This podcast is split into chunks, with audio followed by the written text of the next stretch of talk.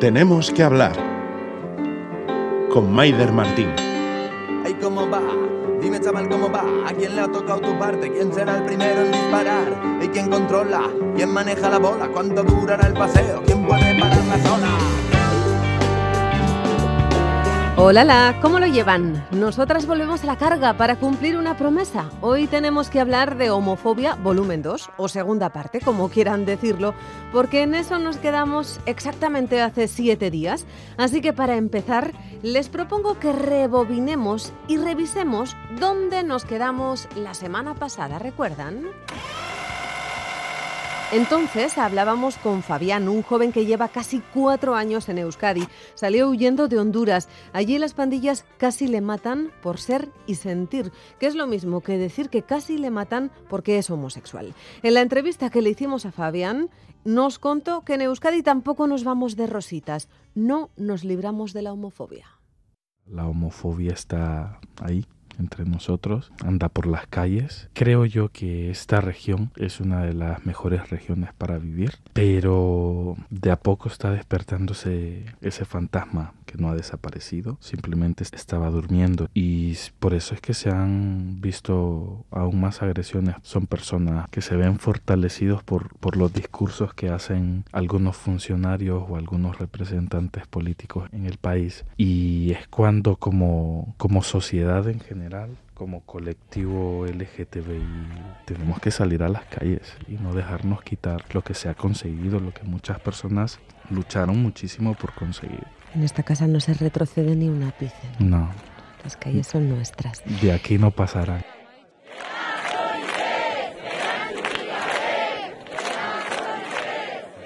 Muy rechazado, incluso avergonzado, con comentarios muy fuertes. ¿En Euskadi? Eh, sí, al momento de ligar.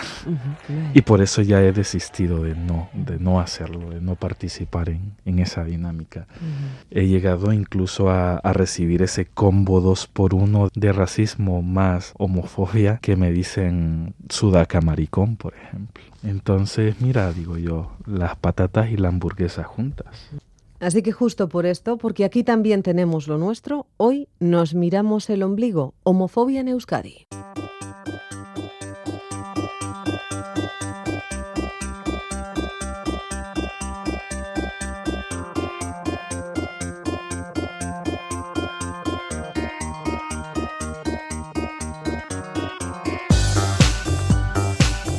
Los ataques contra personas de sexualidades disidentes son el segundo tipo de delito de odio más frecuente aquí tras el racismo y ambos van en aumento. Lo gritan los datos en los últimos informes sobre esta cuestión en el país. Solo para que se hagan una idea, de 2019 a 2020 han aumentado en más de un 200%. Todavía no hay datos de 2021, pero el acento está puesto en este tipo de delitos. De ellos se hacen eco claro los medios y los reprueba de una manera muy sólida la sociedad en la calle.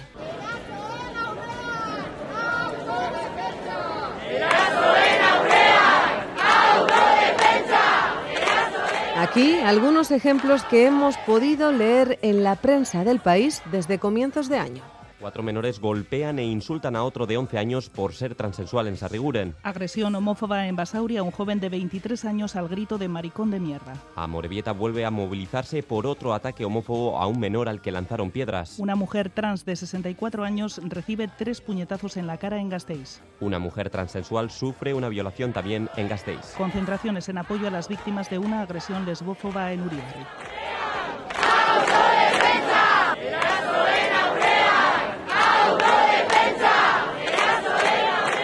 Empezó a decir que, que, daba asco, que era un maricón de mierda, que me fuera de ahí porque les daba asco.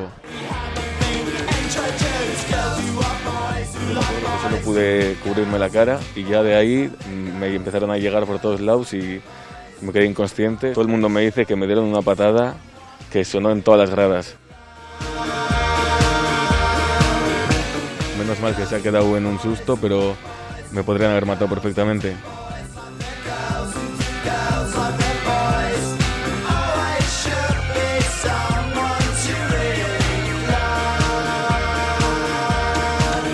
Este que acaban de escuchar, ese Caín Perrino, fue agredido en Basauri en junio al grito, una vez más, sí, de maricón de mierda. Trece personas le propinaron tal paliza que le dejaron inconsciente. Tiene 23 años. Tuvo que ser trasladado al hospital de Galdacao.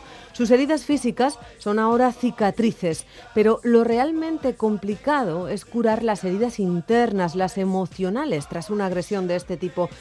Fue el caso de homofobia más mediático de los últimos meses, pero una vez se alejó el foco, ¿cómo sigue Ekain adelante? ¿En cuánto tiempo deja uno de sentirse en riesgo permanente, en alerta? Con todo esto en la cabeza, quisimos invitar a Ekain a una entrevista calmada en el programa. A él y a su psicóloga, Lala Mújica, es muy conocida en el movimiento feminista. Pertenece además a la Asociación Aldarte, un centro de atención a gays, lesbianas y transexuales en Vizcaya. Ella lleva el caso de Ekain y les mandamos unos cuantos WhatsApps. Les propusimos hacer esta entrevista y ambos nos dijeron que sí. Así que allí fui, quedamos en el gabinete de Lala, en el centro de Bilbao, pero al llegar... Llamada enviada. Seis. Hola. Hola. Soy Maider. Hola. ¿Cómo estás? ¿Sí? Paso. ¿Cierro la puerta? Mucho que tengo que estar Sí, sí. Ekain me ha escrito. Me ha escrito. Sí y me ha dicho que haga la entrevista contigo y que en otro momento la hacemos con él. Le he preguntado por qué. Le Ekain no puede más. Las heridas externas cicatrizan rápido, pero por dentro hay. El tiempo interno de este joven y de todos nosotros es harina de otro costal. Las heridas que no se ven, en su caso, están todavía en carne viva. Así que necesitamos que Lala nos explique. Tenemos un convenio con la Diputación Foral de Vizcaya para dar tanto asesoramiento jurídico como asesoramiento como apoyo psicológico. Entonces, en este caso, en el de CAIN, pues está con la, con la abogada, con todo este rollo de, pues no todo el trámite judicial que tiene, que tiene este, esta, esta agresión, y con el CAIN pues estamos eh, con, el, con el apoyo psicológico, ¿eh?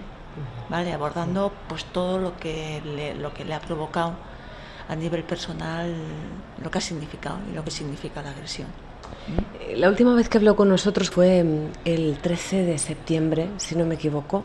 Fue una entrevista de seis minutos en la que él estaba especialmente escueto y todavía se le notaban las marcas de las heridas, pero ya eran más cicatrices.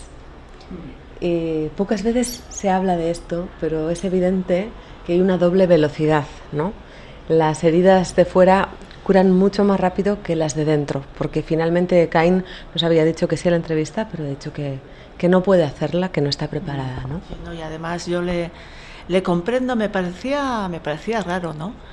Mm, porque, pues bueno, está muy tocado ¿eh? a nivel eh, emocional esto le ha, provocado pues un trauma considerable del que todavía se está recuperando. Y me resultaba como, como raro, ¿no? Aquí eh, y yo hablando así, ¿no? Tan abiertamente, ¿no? En un medio de comunicación de lo que significa pasar a nivel personal una agresión, me resultaba raro. Y no me parece nada raro que, que Cain hoy no esté aquí, no esté aquí conmigo hablando de, de lo que de lo que padece, porque muchas veces es verdad que con el caso de Cain además eh, tuvimos una explosión de solidaridad.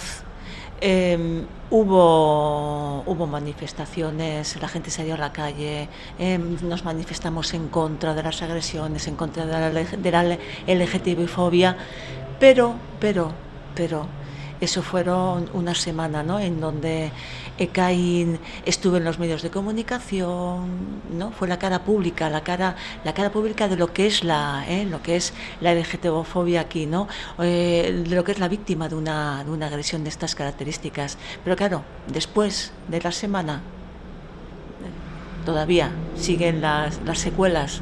Las personas que sufren agresiones les cuesta pues meses, meses, meses meses recuperarse, meses digerir exactamente por qué me ha pasado a mí, qué es lo que me ha pasado, etcétera. Porque externamente sabemos, somos conscientes de lo que ha pasado. Le han dado una paliza. Todo empezó con insultos y acabó en una paliza de la que todavía tiene marcas evidentes. Pero ¿qué pasó por dentro?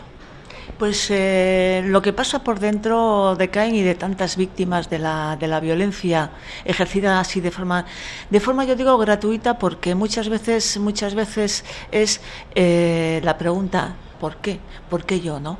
¿Por qué yo? Y eso hay que digerirlo. ¿Por qué? ¿Por qué yo? Claro, es porque eres como, como eres, no puedes dejar de ser como eres y entonces yo te odio porque eres como eres, ¿no? Y esa es la principal causa de, de, de una agresión, pero eso hay que, hay que digerirlo a nivel personal, a nivel emocional. Lo tiene que encajar dentro de esa estructura interna que somos porque en el mismo momento en, que le, en, que le, en que le agreden, lo que hace la estructura interna de, de Cain es romperse en mil pedazos. Y entonces ahora lo que está haciendo es recoger cada pedazo y recomponerlos, verlos y colocarlos, eh, pues bueno, como estaban antes, ¿no? Antes de la agresión. ¿Qué es la estructura interna?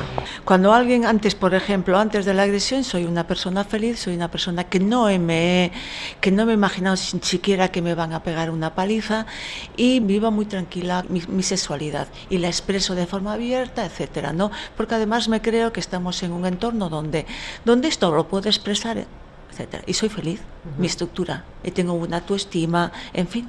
Y de repente a partir de la agresión te empiezas a plantear, si esto me ha pasado hoy, me va a pasar, me, me va a pasar más veces. Y entonces, ¿cómo salgo yo ahora a partir de ahora? ¿Salgo con tranquilidad? ¿Salgo tranquilo? ¿Cómo salgo?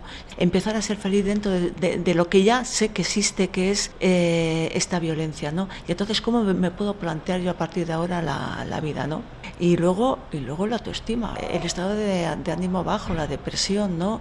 El los feedbacks, sueñas con la agresión, te despiertas con los golpes así y entonces ahí hay una especie de trastorno postraumático, es vivir ¿eh? de forma recurrente eh, el momento de la agresión. ¿no? Entonces con eso también tienes que lidiar, porque con el miedo, ¿no? entonces cómo yo lo voy a, lo voy a digerir y lo voy a gestionar de aquí a, de aquí a un futuro, porque claro, porque Cain, como otras tantas víctimas, tiene que salir a la calle y desea salir a la calle y lo logrará seguir expresándose porque es lo que tenemos que hacer, salir, seguir expresándonos tal y como queremos. Todo esto es una explosión que tiene que, que, tiene que digerir, que antes de la agresión no te planteas y después de la agresión te lo planteas. Claro, algo tan sencillo como Cain antes de la agresión no tenía miedo de salir a la calle y ahora tiene miedo de salir a la calle. Y ahora sí tiene miedo, uh -huh. tiene miedo y eso pues bueno, es que yo creo que o sea, cualquier mujer ahora mismo que esté, que esté, que nos esté escuchando,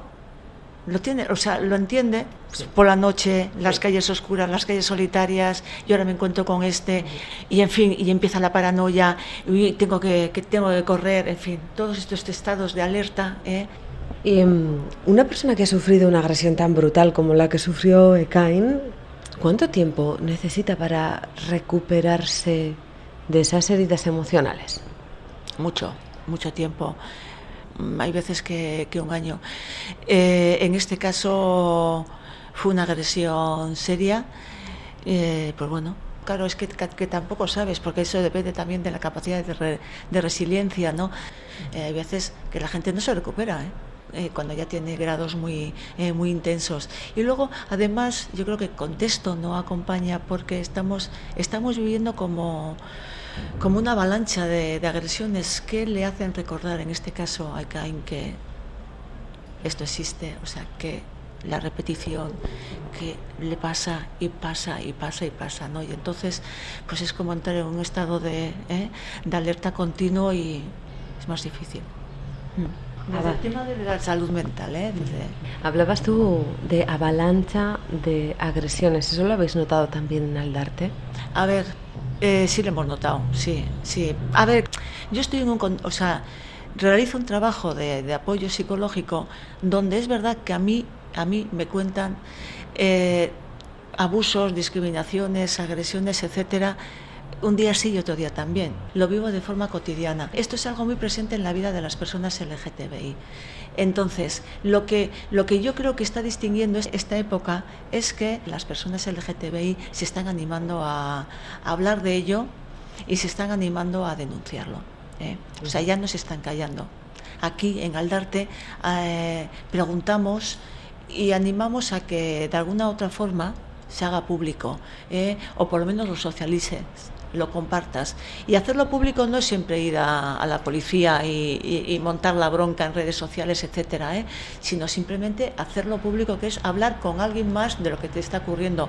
Y muchas veces, y muchas veces, porque yo me lo he encontrado en consulta psicológica, las personas LGTBI que sufren auténticos, auténticas agresiones, estoy hablando hasta de violaciones, ¿eh?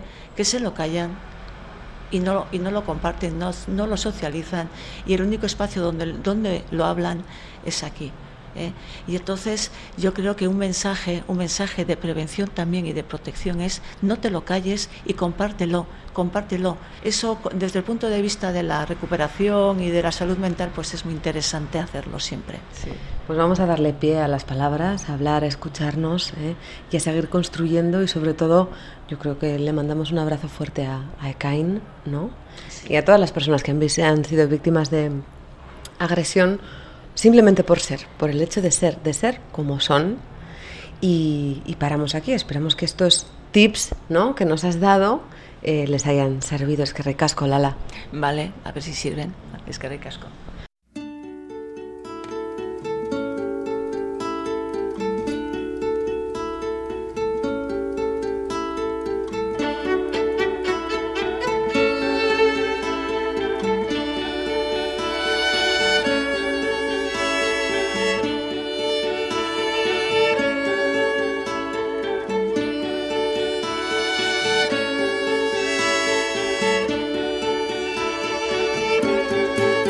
is one.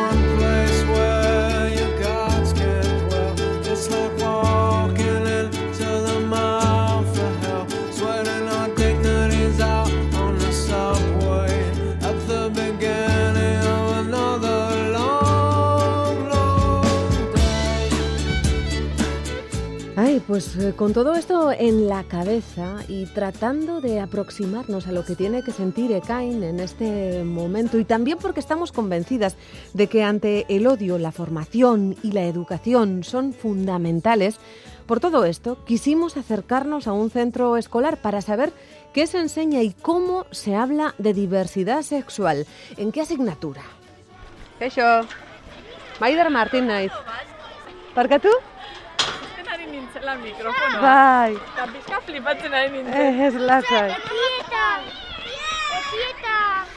Acabamos de entrar en Aresqueta y Castola, está en Amurrio. Entro, sí, me presento y explico a la maestra que está cuidando el patio a qué vengo.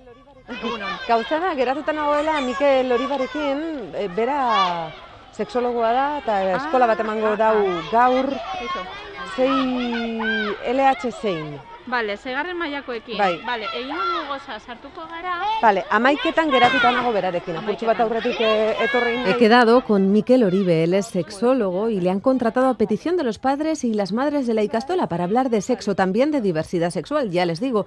Es un curso adaptado a chavales de sexto de primaria. Así que camino con la profesora que me ha abierto la puerta, cruzo el patio y me adentro en el edificio. Es gigante. Pronto me encuentro con el tutor de la clase a la que voy. Él es Koldo Rodríguez. orduan... Eh... Amaiketako eskolan. Hori da, amaiketan orain bai, hasiko bai, da. Bai, amaiketan orain hasiko da eskola horretan. Bai, Zuzara horren tutorea o aurrekoarena? Ez, oraingo tutorea. Vale, vale, vale, vale. Coldo es tutor de sexto A y me sorprende la capacidad que tiene de no agobiarse entre las demandas incesantes de tantos chavales. Vamos hablando, vamos caminando y me explica que la clase está en el tercer piso. Bueno, tropa,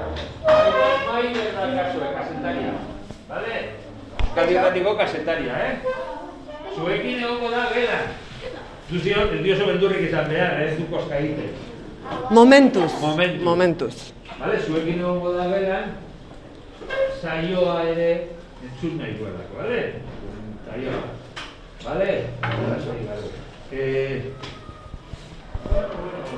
ba, falta da, gaixoi dagoelako, eta bestea, behan. Deitu biozu, etxera edo? Ez, ez, pistola bekin ondo ematen du, jarri dio berriro.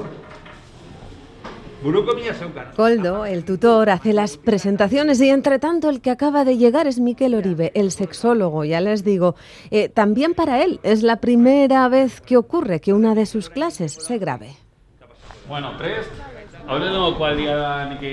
Ere bai, eh? Zer zan hau, zeia edo zei be? Ah. A ver, Ayora, John, Ekiñe, a ver... Y ahí estoy yo, con el micro rojo de Radio Euskadi, mientras él pasa lista. Alaitz, Ekain, Naya...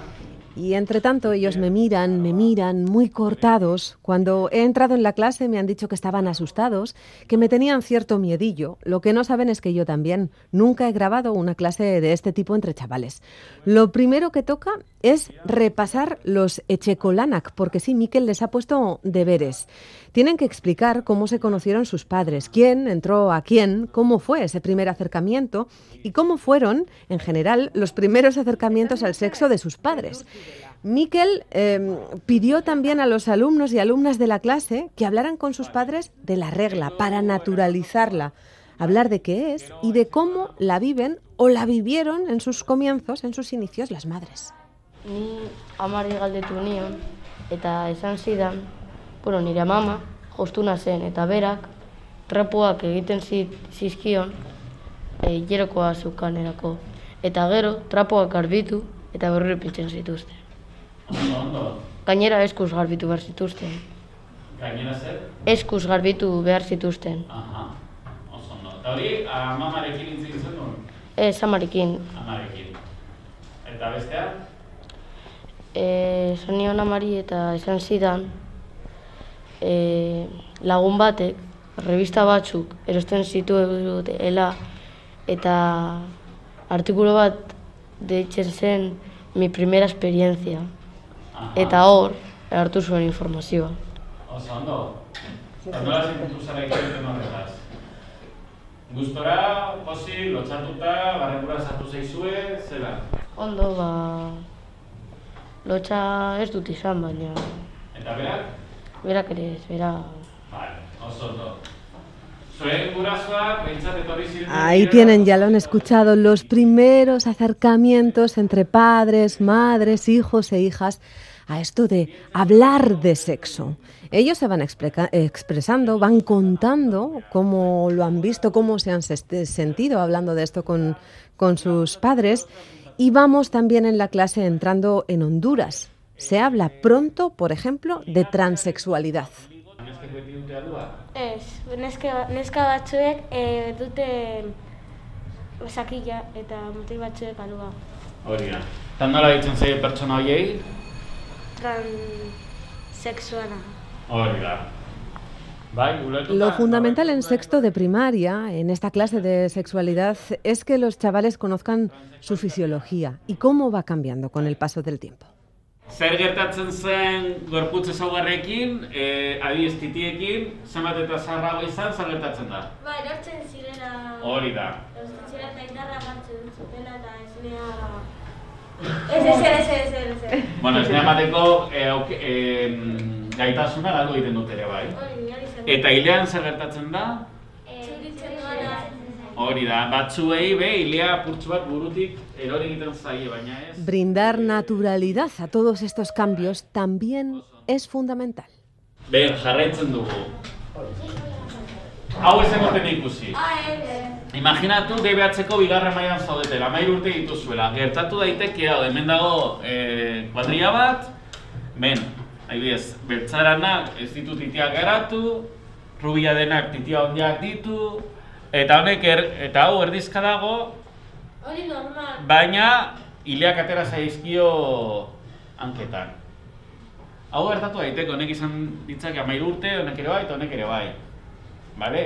Bakoitzak bere abiadura dauka, bere erloju biologikoa, hau da, batzuk aldatzen zarete lehenago, ez batzuk beranduago. Hori argi izan behar duzue. Gero kontatuko dizuet anekdota bat, niri gertatu zitzaidana hemen. Vale. Begira, amairu urte dituzte. Honek ez ditu garatu, Osea, ez dauka hilerik ia zakiak. Calma, que el tiempo biológico es diferente para cada uno. Los cambios se van dando poco a poco, les explica Miquel. En clase se habla mucho también de placer y se habla de placer femenino, a pesar de la vergüenza de las chicas. Ez dakelakoek denok jakin dute klitoria zertarako, den? Nik ere saldu gabe? Neska ez dakite baina ez dut nahi zaten. Afrika. Oso ondo, eta zeraitik oso zaizue egin beste esatea. Zer, lotxatuta... Aken, aken abaritzen duzu lotxatuta daude. Beraz, lehen esan dugu zakia masturbatzeari deitzen zailo euskeraz nola? Kanpaioko euskeraz. Eta... Eh, klitoriaren bitartez masturbatzea, nola deitzen zailo? Likatu. Bastartzen. Ni deskubritu dut nola egin. Ah, bai? Osa, que naita egiten duzu. Bai. Eta zen... Oean, nengo, nagoen, nago, nagoenean egiten dut eta gero lo geratzen naiz. Zuk aipatu duzune orain, oso oso arraroa da, e, amaiko urteko neska batek, e, denon aurrean esatea, mutila bai esaten dute. Baina, osea, que zorionak esatea batik, bai. Bueno, ya lo ven, no es habitual que esto ocurra en una clase, que una chica hable de su propio placer con 13 años y de ahí el aplauso cerrado de sus compañeros. Es fácil que los chicos lo hagan y sigue siendo imprescindible poner en valor que esto lo diga una chica. Por eso también es importante el aplauso sincero de toda la clase. Por cierto que esta- estos cursos en sexto de primaria sirven para poner en valor, desestigmatizar, autoconocerse, quitar vergüenzas, pero también sirven para detectar comportamientos homófobos o todo lo contrario, para que tengan lugar reivindicaciones como las de este otro chaval que se autodeterminó heterosexual y ante imágenes de parejas diversas besándose, y algunas parejas eran homosexuales, él expresó la necesidad de ver más imágenes como estas últimas para que todo el mundo pueda expresarse en libertad. Lehen hasi zara zu esaten gauza interesgarri bat, esan duzu, gustatuko litzaizukela ikustea honetariko gauza gehiago edo horrelako zozer? Bai. Ez, garatu? Pizko bat gehiago. Porque, porque dago asko de heterosexual, orduan nahi dut homosexual gehiago. Ikustea, ez? Bai. Eta ez zu homosexuala zarelako, edo bai? Ez, nik ez naiz homosexual. Oso ondo. Gero honetan egongo balitz, nik suposatzen du badagoela, baina bueno, zuetariko bat mutien bat gehi dena, orain entzun duenean esan duena, nola uste duzu sentituko, sentitu dela, sentituko dela. Pozik, ez da, hobeto. Osea, que sorionak, bai. Asko. Salboko gelakoek esan didate, Y esto, explicado con muy pocas palabras, más desde las sensaciones de un chaval de 11 años, esto no es más que avanzar con claridad hacia la normalización de las sexualidades diversas, disidentes.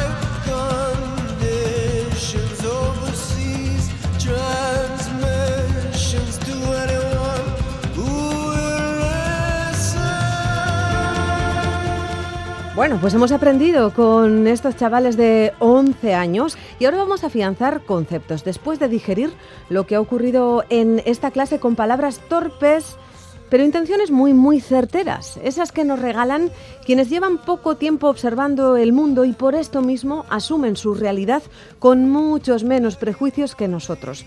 Unos días después de asistir a la clase de sexología, de sexualidad, fuimos a encontrarnos con Miquel Oribe. Lo hicimos en su despacho, porque además de sexólogo es vicepresidente del Observatorio Vasco LGTBI y presidente de Bicigay. ¿Cómo estás, Miquel? Kaixo, son dos, asko. Bueno, la primera pregunta es obligada. ¿Han aumentado las agresiones al colectivo LGTBI en Euskadi? ¿Lo han hecho las denuncias o la visibilidad de esto? Pues es una pregunta compleja, todavía no tengo una respuesta eh, a ciencia cierta. Es una de las labores que tiene que hacer el observatorio en el cual estoy y es eh, relativamente nuevo y todavía no tenemos recursos como para, para hacer este análisis, esta investigación, pero es algo que vamos a hacer. Mi opinión personal al respecto es em, que yo creo que lo que en sí no han aumentado las agresiones, sino que se han, por un lado, visibilizado más y probablemente eh, las agresiones sí hayan sido un poco más eh, em, fuertes que, que, otras. Es decir, estas palizas que ha habido de, llevar a alguien al coma, incluso a la muerte, eh, realmente no era algo habitual y, y, últimamente estamos viendo que se están dando estos casos, ¿no? O sea, un recrudecimiento. Eh, pero también es verdad que antes, cuando había estas palizas, no se asociaba, por lo menos en los medios de comunicación, no, no se hacía esa asociación de palizas debido a cuestiones de LGTBI-fobia, ¿no? Y ahora sí. Con lo cual yo creo que, por un lado, le estamos dando más visibilidad, afortunadamente, y lo dicho, creo que los casos están siendo más fuertes, pero en número total de agresiones no creo que, que, esté habiendo un aumento, pero bueno, reitero que esto es algo que tenemos que analizar con tiempo. No sé si está íntimamente ligado al repunte de la ideología ultraderechista.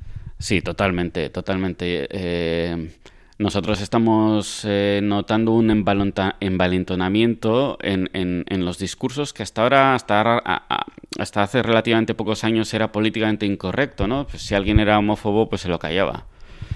Eh, la gente fascista siempre ha estado ahí, pero sabía que su lugar era estar en segundo plano, no llamar la atención. Yo creo que desde el surgimiento de, Vox, eh, sobre todo, eh, eh, la gente ya tiene referentes públicos y, desgraciadamente importantes porque están en sede parlamentaria, en, en, en ayuntamientos, etcétera, y eh, ha perdido el miedo a eh, perder el filtro. Es decir, siempre ha habido gente intolerante en todo, pero antes a nadie se le ocurría decir algo contra las personas negras, algo contra las lesbianas, algo contra en público y ahora sí, ¿no? Y yo creo que están notando, que están notando que, la lucha social, en este caso de la diversidad sexual, está calando en la sociedad, están viendo que van a perder ese, ese control que tenían y están dando los últimos coletazos, ¿no? Por eso estas agresiones tan, tan, tan fuertes. Es como si, si dijeran o lo damos ya todo o aquí perdemos lo de antaño, ¿no? Y lo de antaño era en las épocas donde todos estábamos en el armario, ¿no? Las mujeres en la cocina, eh, los negros en África, etc, etc. Yo creo que están detectando que se está perdiendo eso, que la sociedad lo está asumiendo y de perdidos al río. Tú das clase en centros escolares. No sé qué, ¿Qué te has encontrado allí? Seguro que una realidad muy diversa, porque chavales ahí, vamos, de todos los tipos, ¿no? Pero no sé si nuestros preadolescentes, así generalizando, que nunca es demasiado bueno, eh, están como hace 10, 15 años en cuestiones de igualdad. Bueno, en la mayoría de las cuestiones hemos avanzado. Eh, en algunas cuestiones creo que estamos retrocediendo un poco, eh, por ejemplo, en la autonomía e independencia de las mujeres y en, en que tomen ellas la iniciativa a la hora de, de, de ligar, por ejemplo, de mostrarse eh, públicamente sujetos eh, sexuados, placenteros y que buscan, yo creo que en eso estamos reculando un poco, ¿no? Reculando, ¿eh? Sí. ¿Por qué? Sí.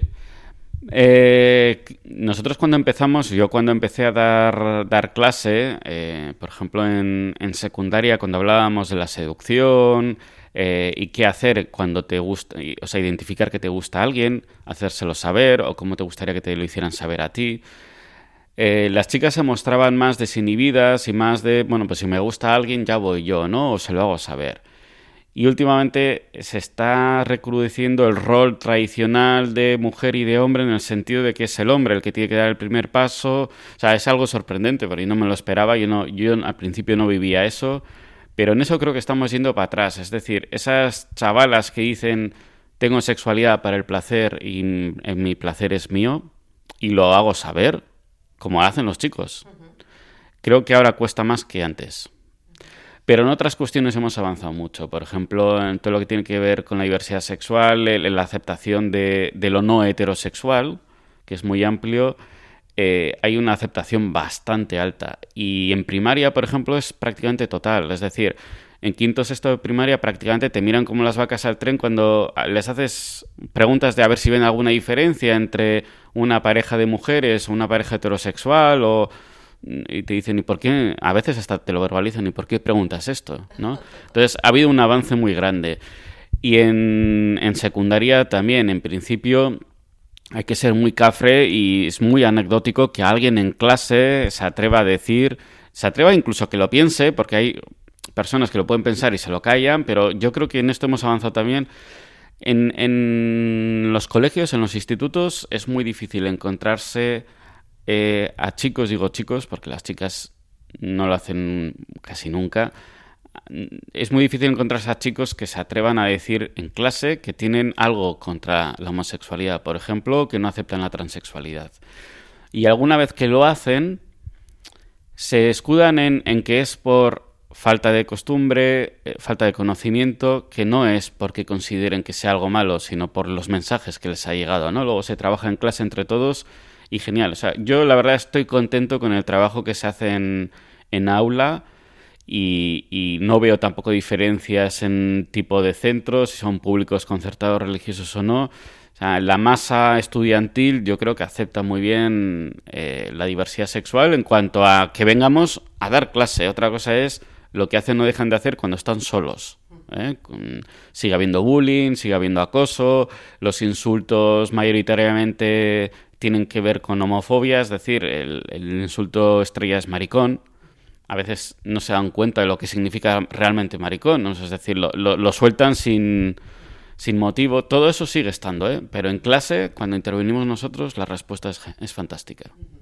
¿Y te ha ocurrido alguna vez lo anecdótico, ¿no? lo, lo minoritario, esto de que algún chico eh, diga, pues yo no acepto a los homosexuales o a las personas trans- transexuales? Sí, sí es, sí ha pasado. Reitero que es anecdótico, pero bueno, nos hemos encontrado alguna vez con chicos que son eh, fachas a todos los niveles, ¿no? Entonces te, te saltan cualquier cosa. De hecho, uno llegó a hacer el, el símbolo nazi y dijo viva España o viva Franco o algo así. Eh, pero bueno, esto es la anécdota, o sea, quiero decir, mm, en algún centro tiene que pasar, mm, lo dijo, no sé, vamos si se lo cree o para llamar la atención, puede haber de todo, pero vuelvo a repetir, es una anécdota, o sea, en general prácticamente mm, todo, todo el alumnado lo, a- lo acepta. En algunos hay que debatir un poco, eh, en algunos se nota que lo aceptan a nivel teórico, pero luego no lo saben llevar a la práctica. Y está, pues, la oveja negra, que es alguien que, que abiertamente dice que está en contra. Y claro, tienen 13, 14 años. No, era, no te lo preguntaba por quedarme en la anécdota en absoluto, sino para saber cuál es la reacción de la clase ¿no? ante ese comportamiento o ante la verbalización de ese pensamiento. Bueno, pues eh, justo en lo que he comentado, eh, la reacción de la clase fue... No hubo reacción porque creo que compartía la clase entera. La- claro, si no, no lo hace. Es decir, na- nadie, na- yo creo que nadie se atreve a, en, un, en un determinado contexto que ya todos se conocen, que hay una personalidad grupal, a despuntar tanto. O sea, tú si eres capaz de, de hacer el saludo nazi en una clase, lo haces porque sabes que no va, a haber consecuencias de tus compañeros. Es lo que pasó, ¿no? Era un modelo A, era un, un- una ciudad con una zona de una ciudad socioeconómicamente deprimida, eh, un contexto difícil. Hace ya años de eso, ¿eh? ya ha cambiado. Ahora ya no, no se parece en nada al centro. Y lo soltó así y la clase reaccionó, vamos. eh, el que quería marcharse era yo.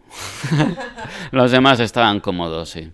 Y en la neutralización, la paralización de los discursos homófobos, ¿qué papel tiene para ti la escuela como institución, los centros escolares?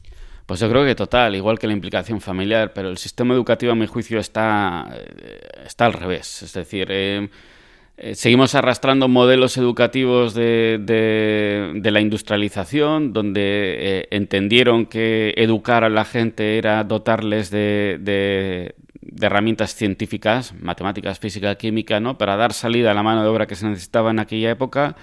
Y hoy en día lo, lo- lo seguimos teniendo. O sea, tenemos un montón de asignaturas donde el alumnado no conecta, ni quiere conectar, ni hace nada por... Yo creo que es más, me voy a arriesgar y voy a decir, ni siquiera aprendes.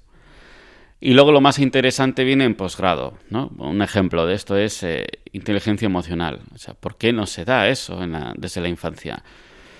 Claro, cuando mi equipo y yo hacemos educación sexual, no tienen que estudiar, aprenden, disfrutan, piden más, lo viven. Y luego el profesorado encima te dice, ¿pero qué hacéis? ¿Cómo? Porque, porque a nosotros no nos valoran igual. Yo, claro, es que cuando habláis de lo que le interesa a la gente, ¿no? ¿Cómo vamos a cambiar la sociedad si en la edad donde están aprendiendo a, comportarse, de, eh, a ser mejores personas, están que si tienen que aprobar matemáticas, que si tienen que aprobar eh, un montón de asignaturas que no les aporta en ese momento de la vida nada? Ya sé que se van a enfadar pedagogos, profesores, profesoras conmigo, pero yo lo pienso así.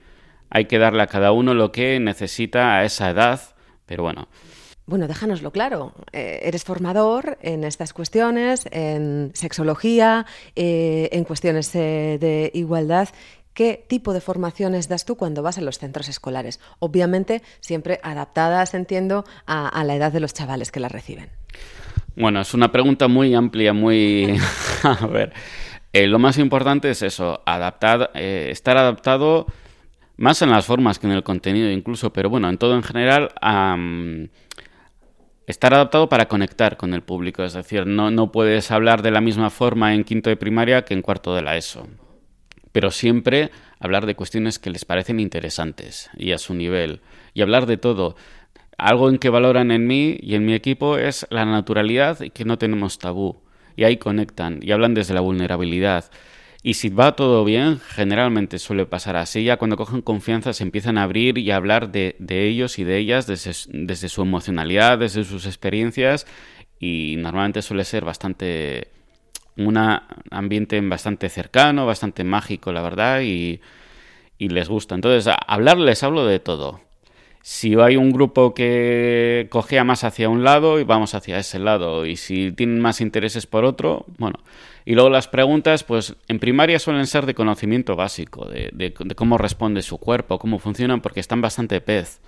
A medida que son mayores, eh, por ejemplo, en secundaria, los primeros años, primero, segundo, incluso tercero, van mucho a, cuando te comas el tema de, de la homosexualidad, la transexualidad y demás, van por si es normal una, una cosa o la otra, por si lo, eh, lo que sienten o lo que hacen es, se puede considerar normal, necesitan como una aprobación de la etiqueta, ¿no? De que alguien adulto y experto les diga eso es normal. Claro que yo a lo que voy es a romper el concepto de normalidad, evidentemente, cada uno tiene su sexualidad, mientras no hagas daño a nadie, es eh, igual de válida que cualquier otro, ¿no? Igual de diversa.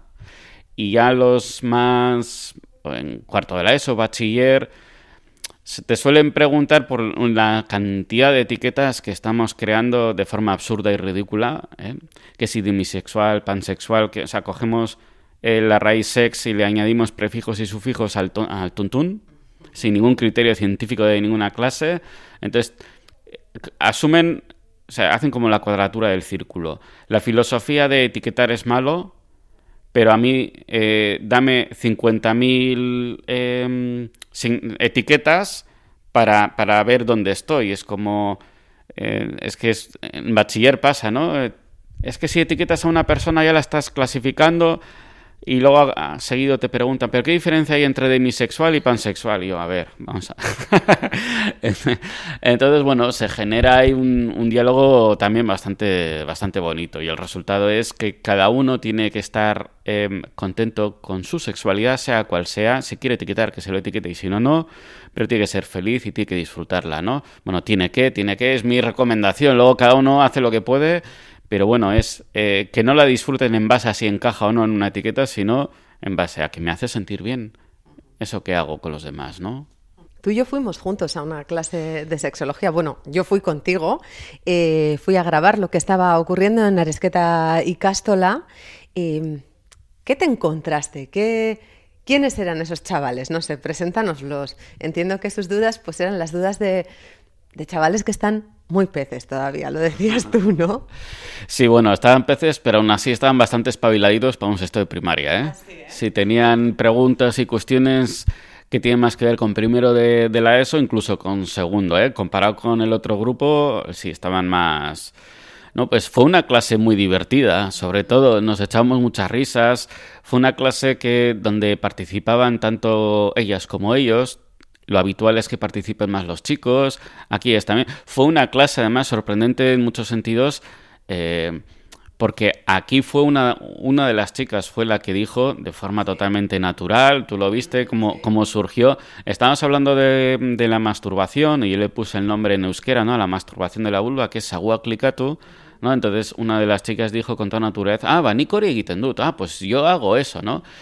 Y la respuesta de la clase fue magnífica y aplaudió incluso, y no fue un aplauso de, en plan de vacileo, como puede haber en un cuarto de la ESO, sino fue de, de, de sinceridad y fue la verdad muy bonito. Entonces te hacen preguntas eh, pues personales de su cuerpo, preguntas eh, fisiológicas, preguntas de sobre parejas, o sea, te preguntan a ti también, les gusta mucho en, en sexto de primaria preguntar al educador, ¿no? Pues si tienes novia, si tienes novio, si tú ya has hecho esto, ya lo- si te masturbas o no te masturbas, todas estas cuestiones, ¿no? Están buscando como, como referentes para que, para que vean que, que los adultos también hacemos los, lo que ellos hacen, ¿no? Y la verdad es que fue muy chulo, muy fue una de las mejores clases a las que pudiste haber venido porque salió todo fantástico, sí. Nos salió de carambola, además, Sí, ¿eh? sí, o sea, sí. fue... No estaba ni guionizado, ni preparado, ni sabían que ibas a venir, pero ya está. O sea, ni, se- ni siquiera sabían de qué íbamos a hablar.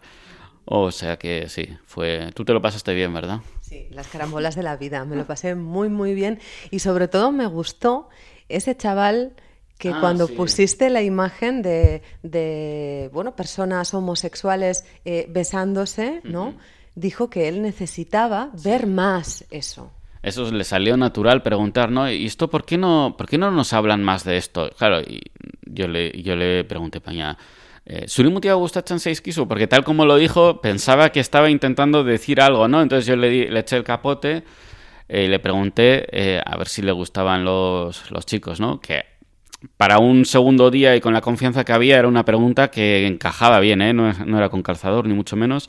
Y él con toda naturalidad dijo, "Eh, es ni heterosexual a naiz, baina, bueno, sigo en castellano, yo soy heterosexual, pero me gustaría que pudiéramos hablar más de, de- homosexualidad, verlo y demás. Fue, y fue fantástico. Y dije, ojalá en, en los chicos de- del resto de clases lo tuvieran tan claro y tuvieran esa misma demanda que tú, porque quienes generan problemas generalmente con, con los chicos homosexuales o con las lesbianas son los chicos heterosexuales. Entonces, que un chico heterosexual, eso es, abandere, bueno, no, abanderar no es la palabra, pero mm, encabece, o bueno, como se le quiere llamar, esa, ese acercamiento, ¿no? Eso de es mi responsabilidad como hetero, quiero conocer lo que no es hetero, ¿no? Y, valorarlo. Yo creo que ahí tenemos que llegar, sí, o sea que salió redondo. Qué suerte tuvimos. Pues vamos a despedir esta entrevista como te despedían ellos, o sea, como te llamaban ellos. Mike, profe, es que ricasco por haber participado en Tenemos que hablar. Ay, Suri aukera honegatik por esta oportunidad. Muchas gracias.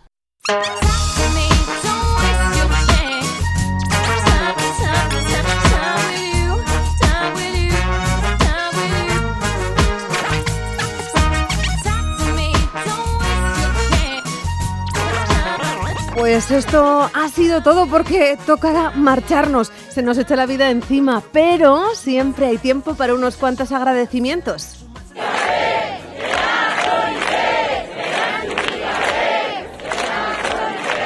Ahora que las agresiones homo, lesbo, trans se recrudecen, este programa es para los que salen a la calle y toman parte, para los que se están recuperando de los ataques, en concreto para Ekain, que quiso y no pudo darnos una entrevista.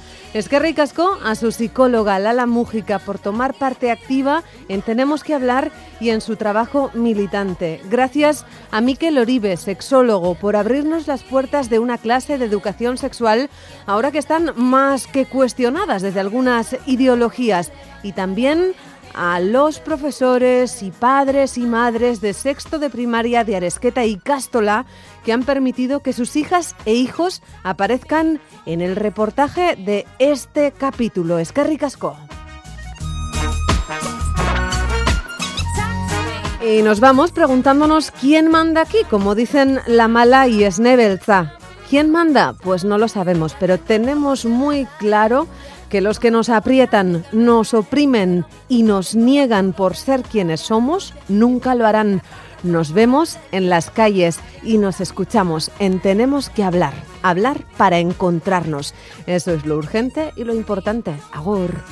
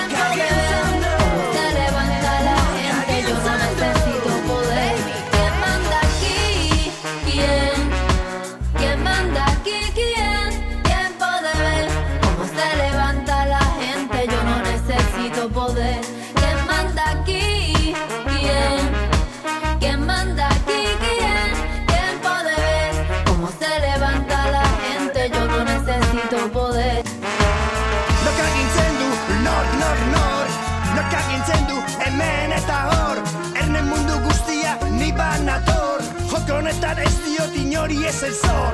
Bukatu da tximuena, itxumutu gor. Atzatu jendearekin ta izan bizkor. Nork agintzen du, nork, nork, nork. Nork agintzen du, hemen eta ¿Quién hor manda